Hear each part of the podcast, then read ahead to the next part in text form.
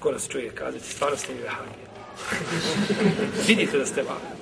Mislili smo da niste, ali stvarno jeste. Baš ste vehabije.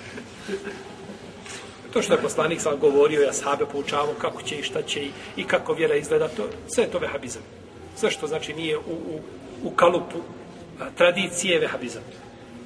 Ovo je vjera koju uzvišen Allah objavi ljudima. Ko želi, može je prihvatiti. Ko ne želi, ko nije u stanju, neka moli Allaha da, da ga ojača. Je tako? Ne znači da mi sve što govorimo, da, je tako, da se ljudi toga drže. Ali čovjek kada govori o istini i poziva istini, istina se spominja, istina kruži među ljudima, to je put da je ljudi šta? Prihvate rođutim, kad istina postane čudnom i stranom ili, ne daj Bože, neistinom, e onda je problem, ko će onda prihvatiti tu istinu? Pa je kod ljudi problem što kada čuju nešto prvi put, ovaj nešto što mu je strano, nešto što mu je čudno, znači ovaj teško, teško nije podložan da to prihvati. Što je greška? E u tome sa sahabi razliku do, do današnjih muslimana. Kod nje je bilo da kažu, čuli su sam ja na atana i završi. Nije bilo potrebe, znači, da dođe da ga neko, da se on ubjeđuje i da se, Allah posljedće, zabranjen je alkohol. Kaže, Allah posljedće, smijemo ga prodavati? Kaže, ne smijete. Kaže, ene se kaže, uzmi, kaže, isprobijaj bačve. Pa isprobijaj bačve, pa, pa su potici. Nije. Niko nije kazao, Allah poslaniče, pa poboje i metak furs, bizantici, drugi piju to, možemo to njima prodati, možemo ga okrenuti u, u sirće, možemo... Niko pitao nije više nakon toga. Niko pitao nije. Pa je to znači ovaj razlika i čovjek koji je od vjernikove osobine je da kaže čuli smo i pokoravamo se. Jer je, kaže, kod muslima ima predanje da je Hatidž ibn Rafija, da je rekao jednog dana, kaže, zabranio nam je poslanik, sa osrame, kaže jednu stvar koja nam je bila korisna. A kaže, pokornost Allahu i njegovom poslaniku, sallallahu alaihi wasallame, kaže, nam je korisnije.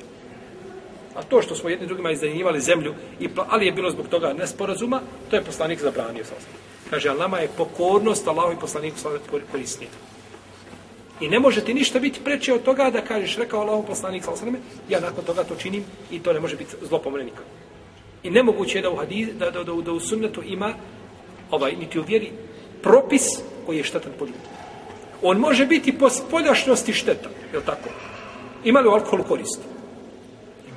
Ima. Allah kaže u Koranu, je li tako? Jeste, on nekada na hamri on mejsir. Je li tako? Bi, znači, ima, ima, ali je, međutim je, ovaj, šteta je ta veća od koristi. Pa je korist nekome, Kakva korist? Dunjalučka. Prividna. Dunjalučka i prividna. Prvo što uzvišen Allah neće dati to je korist bereketa. Koliko god da imaš, kako je došlo, tako će otići. Ako ostaviš, tvoje će to nasljednici sve rasturiti, nigdje ništa biti neće. Allah u tome ne da bereketa.